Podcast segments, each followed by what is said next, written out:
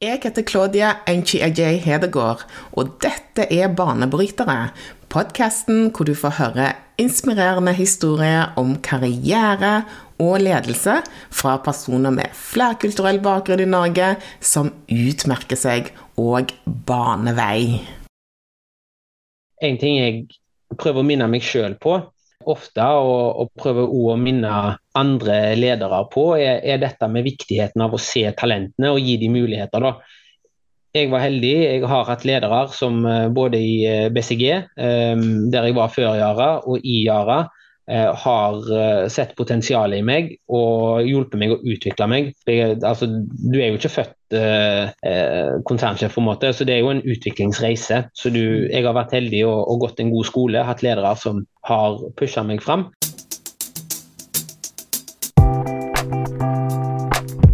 Ukas gjest det er Pablo Barrere, som i en alder av 36 år ble konsernsjef i Haugaland Kraft. Han har gjort en kometkarriere i det internasjonale selskapet Yara, hvor han har hatt flere sentrale posisjoner i konsernledelsen, bl.a. konserndirektør for strategi og forretningsutvikling, for innkjøp og logistikk og for kommunikasjon og myndighetskontakt. Han har òg vært landssjef for Yaras virksomhet i Chile. Han har tidligere jobba i The Boston Consulting Group og har erfaring fra flere styreverv, og er i dag medlem av styret til Den norske opera og ballett. Han sitter òg i juryen for E24 Ledetalentene. Og Pablo han har en mastergrad i finans fra NHH etterutdanning innen bærekraftig utvikling og ledelse ved Yale School of Management og Harvard Kennedy School.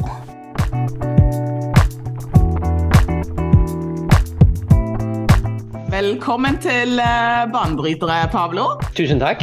Veldig kjekt å ha deg her i dag. Likeså. Kjekt å bli invitert. Jeg eh, satt og tenkte litt på når man skal kjøre en sånn type digital Eh, digitale møter, så er jeg alltid litt sånn nervøs. For du vet liksom aldri hva som skjer på den andre siden, hvor folk er, om de har bra nok utstyr, og lyden funker ikke. Så jeg er alltid litt sånn småanspent, men det ser ut som eh, det går greit foreløpig. Ja, det, jeg hører deg iallfall uh, klart og tydelig. Og jeg sitter her på kontoret mitt helt alene og ser utover vestlandssola. Har du fin utsikt? Ja, jeg vil si det. Jeg har eh, mye utsikt eh, til kollegaene mine sine eh, kontorer. Da. Så det er jo en god utsikt å ha. Der ja. sitter de og tenker ut hvordan Haugaland Kraft skal levere det vi trenger inn i framtida, som er mer kraft og mer effektiv bruk av kraft vi har, og mer nettkapasitet. Men velkommen hjem til Haugesund. Du har jo bodd i Oslo i en del år, og det er en stund siden du flyttet fra Haugesund, stemmer det ikke? Det stemmer. Jeg flytta fra Haugesund for 18 år siden. I 2004 eh, så flytta jeg til Bergen. Og så har jeg bodd litt forskjellige steder siden den gang, og, og flytta hjem nå. Fra storbyer til eh, liten, koselig by i Haugesund. Hvordan er det? Ja, det vil jeg si er veldig fint. Eh, jeg har jo et nært forhold til Haugesund. Jeg er veldig glad i Haugesund by, jeg er veldig glad i regionen. Eh, og hadde det veldig fint her i oppveksten. Eh, så det er fint å kunne komme tilbake igjen og være eh, nærmere foreldrene mine og søsteren min med mann og barn og vennene mine. Og så har jeg nå fått meg en kjæreste i Haugesund, og det er veldig hyggelig. Så, oh, wow, det gjør jo ting mye, så mye, mye enklere. Ja, ja, nei, det er, mye, det er mye som har vært gøy med å komme tilbake. Nei, jeg er jo fra Stavanger uh, sjøl, så Eh, jeg er litt usikker på om jeg eh, ville likt å flytte tilbake, men man vet jo aldri. Man skal aldri si aldri. Nei, skal aldri si aldri. men eh, liksom, er det på sin plass å si gratulerer med den nye rollen din i Haugeland ja. Kraft? Er det på sin plass? Ja, det er vel ja, nå har jeg jo vært her siden jeg har vært konsernsjef i Høyland Kraft siden 1.9. Eh, men, eh, og det føles nesten ut som jeg har vært der i et år, for det er så mye som skjer ja. i selskapet og i bransjen. Eh, så det har gått slag i slag. Men jeg tar hjertelig imot gratulasjoner fortsatt. Ja. Senest i går så fikk jeg en gratulasjon, så jeg sier takk til det. Ja. Hvordan har det gått så langt, da? Hvordan har det vært? Det har gått veldig bra vil jeg si, jevnt over. Det har vært uh, utrolig spennende å lære bransjen å kjenne. Uh, det er en bransje som jeg kjente litt til fra tidligere roller jeg har hatt. men du lærer den jo ikke ordentlig å kjenne før du faktisk dykker inn i det med, med hud og hår, sånn som jeg har gjort nå. Så det har vært utrolig spennende. Det har vært eh, veldig givende og mm, litt sånn følelsesmessig overveldende eh, å se den positive responsen. Eh, det er et selskap med en utrolig sånn fin, åpen, imøtekommende kultur. Eh, og det kjenner du på. Vi pleier å si at vi har en hei-kultur. Uh, og det gjelder så til de grader. så det, Alle var veldig glad og veldig nysgjerrig på hvem jeg var, og tok meg imot med, med åpne armer. Så det var veldig fint. Både i selskapet, men nå i regionen. Så du følte liksom at uh, folk heia på deg. Så det har vært uh, veldig bra. Og så har det vært utrolig interessant og hva skal jeg si litt sånn interessant og utfordrende eh, å eh, navigere de tidene vi er i. da. Altså, Vi er jo i en tid med en krig i Ukraina. Eh, veldig høye strømpriser. Eh, vi må produsere mer kraft. Eh, vi kommer til å få et kraftunderskudd antageligvis mot slutten av 2026 i Norge. Vi ligger etter på Parisavtalen. Vi ligger etter på klimamålene vi har satt oss som land, eh, som samfunn. Og det å, å, navigere alt det er en krevende øvelse. Veldig interessant, utrolig lærerikt og spennende, men, eh, men stiller en del krav da, til den som skal være øverste lederen i selskapet, og eh, hjelpe selskapet gjennom eh, krevende farvann. Mm. Men hvordan er det du håndterer den overgangen der? Hvordan er det du håndterer det å skal begynne som administrerende direktør i et kraftselskap eh, nå i disse tider? Hvordan håndterer du det? Jeg har brukt tiden min primært på tre ting. Første prioritet uh, bli kjent med folkene. Bli kjent med de som jobber i selskapet. Bli kjent med eierne våre bli kjent med de viktige partnerne vi har, enten det er kunder eller leverandører, eh, sånn at du får møtt menneskene og etablert en relasjon. Neste prioritet har vært å sette seg inn i virksomheten, virkelig forstå det gjennom de relasjonene, gjennom eh, rett og slett å, å, litt sånn egenstudie, og eh, gjennom å snakke med folk som vi har viktige forbindelser med for virkelig forstå eh, bransjen. Jeg har snakket mye med andre kraftselskap, f.eks. med myndighetene eh, på ulike plan. Både oppover i systemet og nedover i systemet. Eh, for å virkelig forstå hva er businessen vår. Og Det tredje jeg har gjort, det er å sørge for at uh, hjulene går og at ingenting stopper opp. Det er veldig fort gjort når du har sånne lederskifter at takten går ned inn mot lederskiftet, og så tar det litt tid før du kommer opp i marsjfart igjen. Men jeg har vært veldig tydelig på at ingenting skal stoppe opp.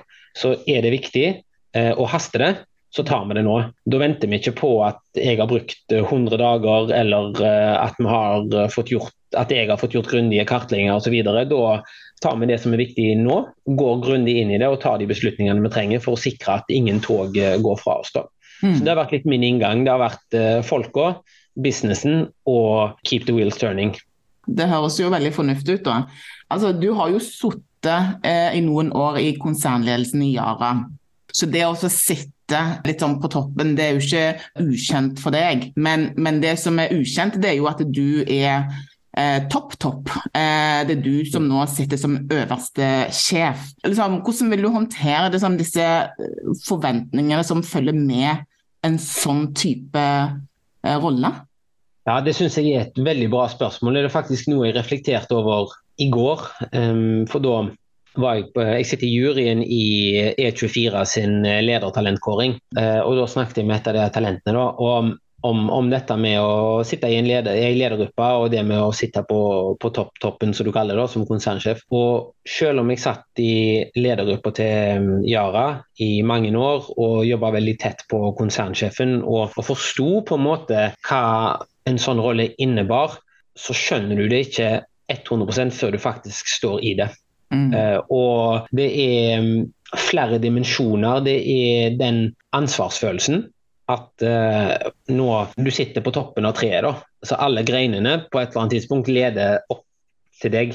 Og det er et uh, stort ansvar å bære, og det ansvaret kjenner du da overfor de ansatte som vil ha en trygg og god arbeidsplass, overfor eierne eh, som eh, trenger oss som en viktig samfunnsaktør, som en viktig kilde til offentlige midler. Eh, du kjenner det overfor samfunnet generelt. Sant? Vi skal jo være et lokomotiv i det grønne skiftet her i distriktet, og forhåpentligvis òg ut i Norges land, og kanskje òg litt inn i Norden på noen av tingene vi skal gjøre. Så du, du kjenner på det ansvaret. Og det er òg eh, noe som, som, er vanskelig å sette seg inn i før du sitter der. Og så er det rett og slett enkelte samtaler, møter, som, som bare du kan ta. Da. Det kan være eh, dialog med styret f.eks., eller med eierne våre, der det er du som sjef som må stå fram. Eh, du må jo selvfølgelig jobbe med teamet ditt, og de vil jo alltid jobbe for å spille deg god i mm. de situasjonene. Men at the end of the day, så er det deg, da. Uh, og det er annerledes. Eh, og så er det òg en annen ting som er annerledes, og det er at du er mye mer synlig. Mm. Både internt og eksternt. Sånn at når jeg satt i konsernledelsen, så opplevde jeg at, eh, at, veldig mange var opptatt av hva vi gjorde og hva vi sa, fordi vi var jo tross alt med å ta viktige beslutninger som hadde en stor påvirkning. Så er det igjen noe annet når, når det er konsernsjefen, da jeg opplever mm. kanskje at det, det forstørrelsesglasset er mye større. Mm. eh, og glasset er mye tjukkere, mm. eh, om du vil, eh, på, på, konsernsjefen internt, men spesielt eksternt. Mm. så du, En bruker jo mye tid inn mot media f.eks. på å fronte selskapet, og det er naturlig og riktig, vil jeg si. Den forstørrelsesglassen, hvordan kjennes den? Har, har, har, du, har du kjent litt på det nå? Jeg var jo forberedt på at dette er en veldig synlig rolle, i, eh, spesielt i distriktet. Det som har kanskje bidratt til å gjøre det glasset enda tjukkere enda større, er jo situasjonen vi står i med veldig høye kraftpriser og med veldig mye som skjer i bransjen. Omfanget av det hadde jeg nok ikke helt sett for meg. Når det er sagt, så opplever jeg at det stort sett har gått greit. Ehm, jeg har hatt veldig få tilfeller av folk som kommer opp til deg sånn ut av det blå og er veldig sinte på deg som person, eller sender deg mailer og e-poster. Jeg har fått noen henvendelser. Det har jeg både eh, ute på butikken og eh, på mail, men, men stort sett så er folk greie og eh, ryddige. Eh, men selvfølgelig, eh, en del er jo litt fortvila.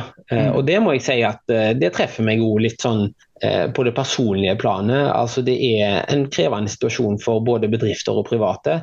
og det å få henvendelser fra bedrifter og private som, som har det tøft, det, det syns jeg er er, er krevende. Mm. Eh, jeg tror vi håndterer det på en grei måte, og, og jeg og vi som bedrift prøver å gjøre så godt vi kan for å hjelpe innenfor det vi kan gjøre. Eh, mm. Men det, det, må jeg si at det kjenner jeg litt på, og det, det, var jeg nok heller ikke helt forberedt på omfanget av. da. Mm. Sover du godt om netten, eller? Jeg gjør det. Det har jeg stort sett egentlig alltid gjort. Jeg er iallfall veldig god på å sovne. Uh, og så hender det at jeg våkner litt tidlig hvis det er mye som uh, er på agendaen og tankene spinner. Mm. Uh, men stort sett så sovner jeg veldig fort. Så det er jeg glad for, da. Ja, da er du heldig. Ja, og så er det, men så tror jeg òg det har litt med og En sier jo ofte dette med at en må være flink til å koble av og sånt. og Jeg vet ikke om jeg er noe flinkere en, eller dårligere enn andre til det, men jeg har iallfall prøvd å um, være gode til å koble av eh, mentalt gjennom å eh, gjøre andre ting da, som ikke dreier seg om jobb, eh, for å da få de mentale pustepausene. Mm. Eh, og jeg tror det er med på å bidra til at jeg sover greit og godt som regel om nettene. da.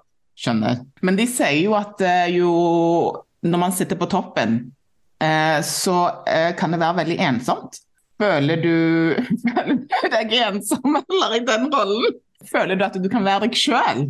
Eh, eller føler du at du må ha en viss persona eh, fordi at du har den rollen, og at du må vise deg fra kanskje en annen side enn det du har gjort før når du har sittet i en ledergruppe? Jeg opplever at jeg kan være meg sjøl, det gjør jeg. Samtidig så opplever jeg òg at i enkelte situasjoner eh, så tenker du at her hadde det vært fint å kunne sperre med flere, men så er det temaer der du faktisk ikke kan det. da. Mm. Nå skal det sies at det, de temaene er få, men det er noen få temaer der menneskene kan rådføre meg med, er veldig begrensa. Og det er annerledes fra hvordan det var før. Mm. Samtidig så opplever jeg at jeg er omringa av veldig gode kollegaer eh, i konsernledelsen og ellers i selskapet. Eh, og jeg prøver å ha en veldig inkluderende eh, arbeidsform og ledelsesform, sånn at jeg tar folk med på råd der jeg føler at det er riktig, eh, og der jeg tenker at eh, det er viktig jo eh, for, for forankringen sin del. Og så har jeg veldig tett og god dialog med styret mitt, og da især styreleder som òg er med på å gjøre det litt mindre ensomt. Så mm. langt så føler jeg meg ikke ensom, men jeg er helt sikker på at det kommer til å komme situasjoner mm. der jeg kommer til å kjenne litt på at her, her skulle jeg gjerne brukt litt mer tid og involvert litt flere. Men det kan jeg rett og slett ikke, fordi den beslutningen er det bare jeg som må ta. Det høres utrolig overveldende ut, da. Ja, men så langt så, så føler jeg at det går eh, bra, og at eh, som sagt gjennom å kunne lene seg på gode kollegaer eh, og styreleder og et godt styre, så håndterer jeg det greit, da. Mm. Men har du alltid hatt ambisjonen om å bli en toppleder? Om ambisjonen min var å bli konsernsjef i tidlig alder, det er jeg litt usikker på. Men jeg har alltid likt å ta lederroller. Fordi jeg så tidlig at ville du at ting skulle skje, så måtte du ta ansvar. da. Ville du ha en endring på noe på skolen, så stilte du opp uh, som elevrådsrepresentant, og så jobba du gjennom uh, kanalene du hadde der. Uh, Eh, vil du få til en endring i fotballklubben, så stilte du opp uh, i tillitsvalgtapparatet der og, og jobba systematisk der. Uh, vil jeg uh, få til konserter og festivaler for ungdommer under 18 år, så var det liksom å troppe opp og samle en gjeng og, og jobbe systematisk for å få det til. Så det, det bunner nok ut i et ønske om å få ting til å skje, og opplevelsen av at de som da har en mulighet til å, å pushe ting fram, er jo da ledere. For mm. det, du får en autoritet gjennom stillingen du har, eh, som setter deg i en posisjon til å gjøre det. Og så har nok ønsket om å en dag bli øverste sjef utvikla seg etter hvert som jeg da har fått muligheten til å prøve meg i ulike lederroller på mm. forskjellige nivåer, og, og sett at det er noe jeg eh, trives i. Men jeg hadde ikke satt meg noe sånn jeg skal bli sånn og sånn innen da og da. Det hadde jeg ikke. Det har vært mer et sånt ønske om å ta ansvar og bruke det ansvaret for å få positive ting til å skje.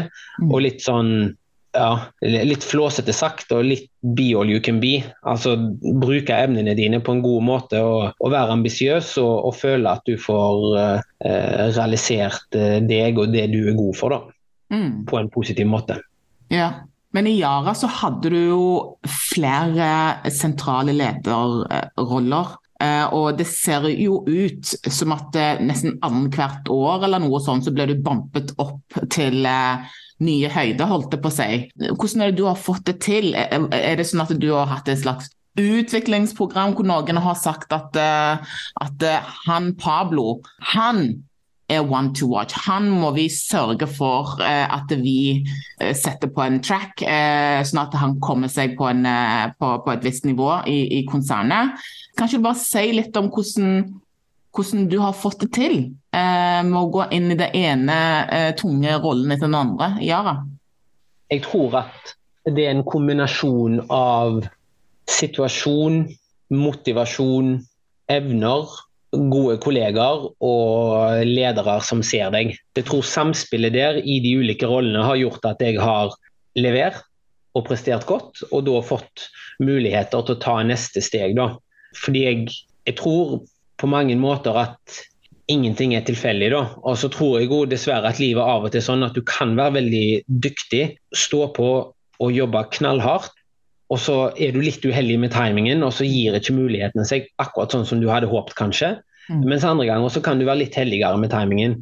Men så har jeg en grunnleggende tro på at hvis du er dyktig og står på, så vil det over tid gå bra og du vil lykkes. Men det er mer sånn i et mikroperspektiv så er det ikke sikkert at alle stegene blir akkurat sånn som du hadde sett for deg. Men kanskje målet eh, oppnår du allikevel. Så i, Hvis jeg reflekterer tilbake på tida jeg var i Yara, så tror jeg det er en kombinasjon av alle de tingene. At jeg kom inn i et veldig bra team med en sjef eh, som var god på å løfte flinke folk fram og gi oss muligheter.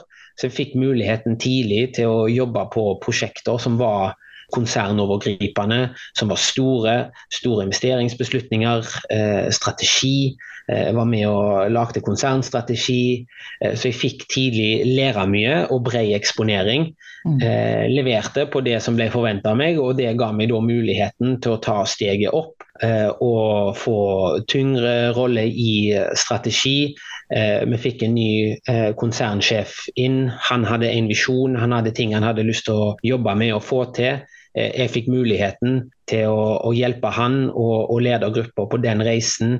Eh, drive en del viktige prosjekter eh, på vegne av han og, og ledelsen. Eh, og så ble jeg eh, lysten på å dra ut eh, til, til Sør-Amerika og, og, lede en landorganisasjon.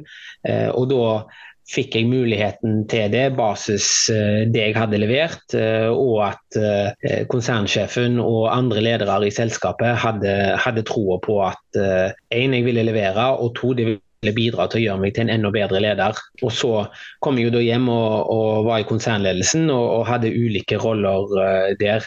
Men jeg tror i sum så er det alltid en kombinasjon av de tingene. Du må, du må levere, du må være ambisiøs, sånn at du stikker hodet litt fram.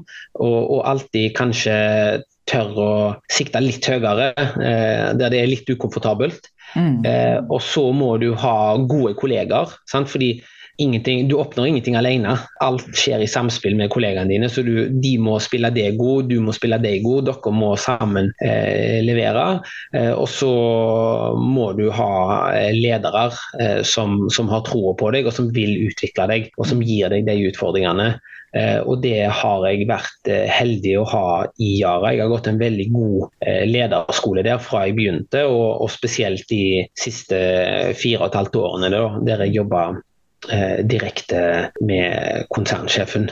Så har det vært eh, en veldig god skole. Han har vært eh, en sterk støttespiller for meg, gitt meg mange muligheter. jeg håper og tror at jeg har tatt de mulighetene og brukt de på en god måte og, og levert til forventning, og forhåpentligvis overgått det innimellom, og at det da har gitt meg videre muligheter. Ja, men det du sier der syns jeg er utrolig interessant, eh, og det er noe jeg òg har reflektert over. Jeg har jo jobb selv i Equinor. Det å klatre opp the corporate ladder, eh, det, det, kan være veldig tungt hvis du ikke har noen som ser deg og kanskje ser det potensialet ditt. Eh, at du treffer akkurat den lederen som ser et eller annet i deg og har lyst til å løfte, løfte deg da, og vil gi deg de mulighetene til å faktisk utvikle deg.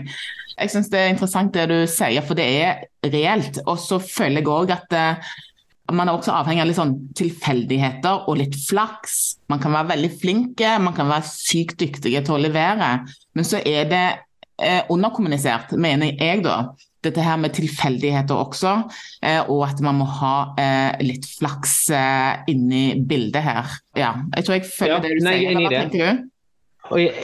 Iallfall et kort perspektiv, da, eller et kort til mellomlangt perspektiv, så tror jeg dette med flaks eller tilfeldigheter kan spille litt inn. Jeg har som sagt en grunnleggende tro på at er du dyktig, leverer du varene, er du ambisiøs, så vil du over tid lykkes. Eh, men det kan tenkes at stegene på veien ikke ble helt sånn som du hadde sett for deg. Men i et, i et mikroperspektiv og i et kortperspektiv så tror jeg det, dette med timing kan, kan innimellom tilte ting i din favør eller disfavør. Og så tror jeg at uh, du har helt rett i at i store systemer så er det, er det, kan det være, må ikke være, men kan det være litt mer krevende. og En ting jeg prøver å minne meg sjøl på ofte, og, og prøver å minne andre ledere på, er, er, dette med viktigheten av å se talentene og gi dem muligheter. da. Jeg var heldig. Jeg har hatt ledere som eh, både i eh, BCG, um, der jeg var før Yara, og i Yara, Eh, har eh, sett potensialet i meg og hjulpet meg å utvikle meg. Jeg, altså, du er jo ikke født eh, eh, konsernsjef, på en måte, så det er jo en utviklingsreise. Så du, jeg har vært heldig og, og, gått en god skole, hatt ledere som har pusha meg fram. Eh, og ønsker òg å være en sånn leder eh, mm. som hjelper talenter med å utløse sitt fulle potensial og gi dem muligheter og, og løfte de fram. Nei, jeg syns det er veldig altså, fin prat, dette her. For dette her er noe som jeg, jeg vet mange tenker på, spesielt ambisiøse, da, som vil eh, og står på, og så føler de likevel at de, ikke, de kommer seg ikke til det nivået som de ønsker. Så ja, så dette er noe som jeg tror mange, mange kjenner litt på. da. Eh, hvordan er det man kan eh, komme seg opp og frem, da? Hva skal til for å lykkes? Du sa jo altså dette her med å levere, det er jo en, altså åpenbart at man må gjøre det. Men er det andre egenskaper du tenker må være til stede for at eh, noen skal lykkes, rett og slett, eh, med, å, med karriereambisjonene sine? Ja, som, som, jeg var inne på, punkt én, du må levere. Og, og det krever hardt arbeid. Så det, det er liksom så, eh, så, enkelt er det. Det er startpunktet. Men så tror jeg at eh, du må òg tørre å, å, ta litt risiko. Eh, og stikke hodet fram og putte deg sjøl i roller eller i situasjoner der du kanskje er litt ukomfortabel men der du viser at du evner å vokse eh, inn eh, i en rolle som du kanskje ikke var eh, kvalifisert for på papiret når du fikk den. Det kan være en stilling eller det kan være et prosjekt f.eks. Det å putte deg selv i situasjoner der du er litt ukomfortabel, men du vet at du kommer til å vokse og utvikle deg, det er viktig. Og så tror jeg eh, langs lest dette med å putte deg selv i situasjoner eller roller eller prosjekter der du òg kan bli litt synlig. Der ditt bidrag eh, kan skinne litt. Som jeg var inne på, så er det jo sånn at en får sjelden til suksess alene. Eh, og det å jobbe godt i team og med andre er, er kjempeviktig. Eh, å putte seg selv i situasjoner der ditt bidrag blir eh, synlig eh, på den ene siden, og der du òg evner å få fram hva du får til gjennom og sammen med andre. Så når jeg sier ditt bidrag, så betyr ikke det nødvendigvis det var de to sidene jeg skrev, eller det var ja. denne konklusjonen jeg kom fram til. Ja. Men det er mer at det blir synlig at gjennom måten du jobber på, og gjennom det du har bidratt med, så blir resultatet mye eh, mm. sterkere enn om ikke du hadde vært en del av det teamet, eller ikke du hadde vært i den rollen. Ja. Eh, så det å, det å eh, tenke gjennom hvordan kan ditt bidrag komme, komme tydelig fram på en god måte, sånn at det er synlig hvordan resultatet er bedre gjennom at du har vært en del av det. Mm. Men hva, hva, har vært uh, de bevisste valgene som du har tatt underveis, altså karrieremessig?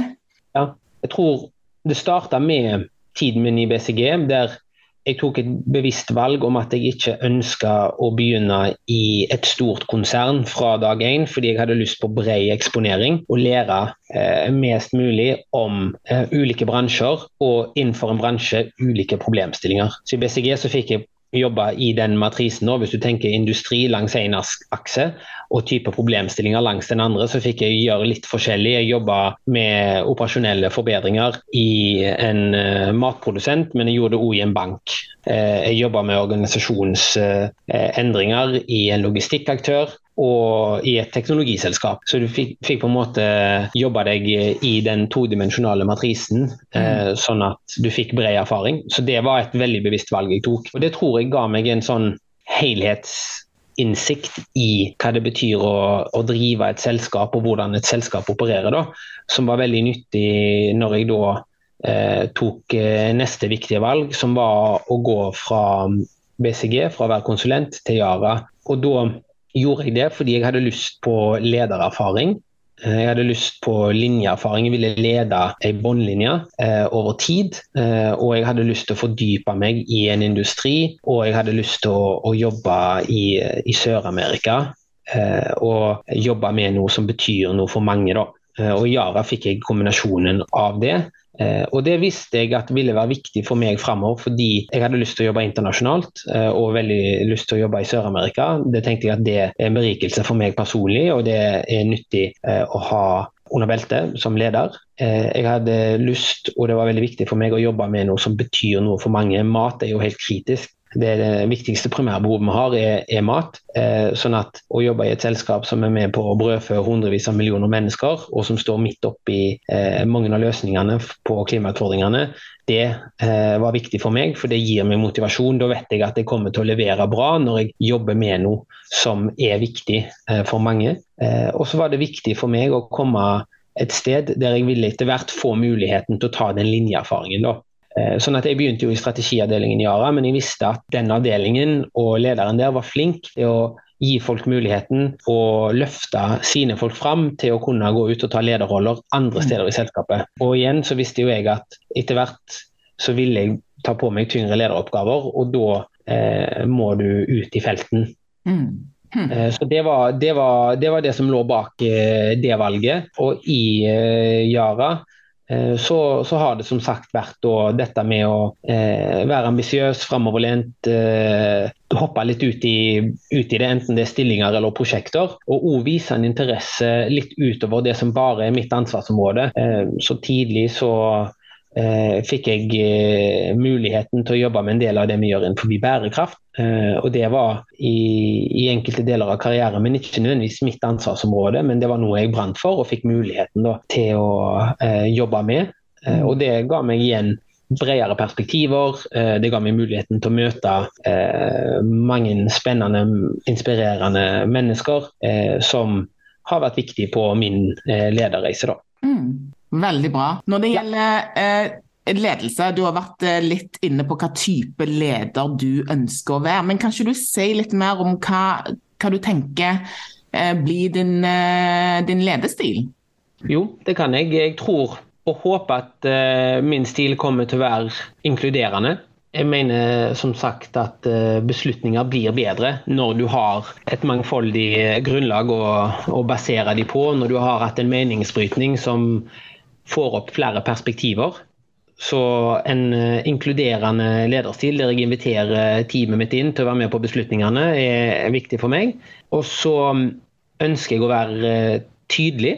Så selv om jeg vil involvere og ønsker å involvere, så er det òg viktig at jeg evner å være tydelig når jeg, når jeg, må det. Det er jo en leder sin oppgave å være tydelig og sette en tydelig retning. Eh, så det blir viktig. Og så ønsker jeg å ha en, eh, en åpen eh, lederstil på den måten at jeg ønsker at det skal være sånn at en kan diskutere ting på en åpen og transparent måte. At en ikke skal ha en skjult og politisk agenda.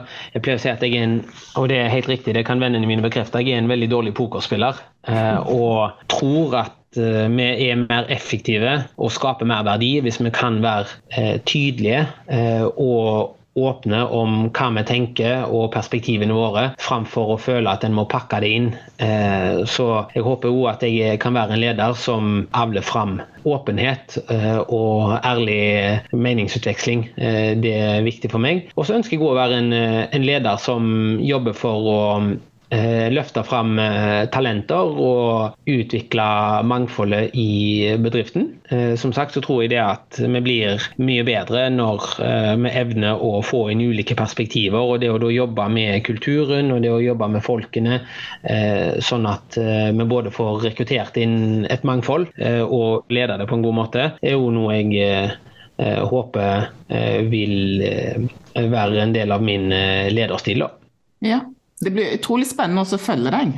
Ja takk, det blir eh, spennende og interessant for meg å gå, å gå veien. Jeg har jo aldri vært uh, konsernsjef før, så det, det er veldig, veldig, spennende. Og hver dag så er det noe nytt som jeg uh, ikke hadde tenkt på, og som byr på læring. Ja, ikke sant. Men når det gjelder ambisjoner, om nøyaktig ett år, Pablo, hva er det du har oppnådd da? 2023 så håper jeg eh, at vi har oppnådd eh, tydelighet eh, rundt strategisk retning. Så det jeg har sagt i mange av intervjuene jeg har gjort så langt, er at den største utfordringen for oss som selskap er at vi har så mange muligheter som vi må evne å prioritere og gå inn med hud og hår i de mulighetene vi prioriterer. Så punkt én er at jeg forventer at vi har blitt veldig klare på hvor skal vi? Hva skal være eh, våre all in moves? Så det er punkt én. Punkt to, eh, så har jeg eh, bygd ei effektiv, velfungerende, slagkraftig ledergruppe. Vi har av ulike årsaker hatt en del utskiftninger i ledergruppa vår. Og jeg håper og har en ambisjon om å bygge og gjøre det til et effektivt, eh, slagkraftig team. Eh, med mange nye så må du jobbe litt med grupper for å få det til, men det er jeg helt sikker på at vi skal få til. Og så mm, forventer jeg at vi òg har blitt tydeligere på hvordan vi bidrar til det grønne skiftet sånn helt konkret. Hvor, hvor, mye CO2 skal vi bidra til å fjerne, hvor mye ny grønn næring skal vi bidra til å legge til rette for. At vi kan være litt tydeligere på, på det bidraget vårt. Vi skal òg ha fortsatt levert gode resultater til, til, eierne våre. Og vi skal ha utvikla oss eh, som organisasjon og lag. Vi pleier ofte i Høgoland Kraft å snakke om ett lag. At vi er ett samla lag, og vi er best når vi klarer å jobbe som ett fellesskap. Og jeg har en klar ambisjon om at jeg har bidratt til å styrke den følelsen av å være ett lag. Det er store ambisjoner.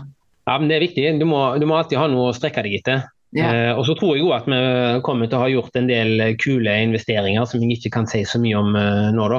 Eh, men, men, vi kommer garantert til å ha tatt store steg inn i de områdene mm. Eh, som vi jobber på, enten det er kraftproduksjon eller det er nettvirksomheten, strømsalg eller fiber. da. Så der kommer det til å komme mye, mye spennende neste steg nå over de neste tolv månedene. Jeg gleder meg som sagt til å følge deg. Ser frem til å se hva du eh, får til. Og så kan vi ta en oppfølgingsprat eh, om nøyaktig et år. Så se om det har gått i oppfyllelse, alt det som du har lista opp nå. Nå har du det faktisk på tape, så nå må du bare få det til, Pablo.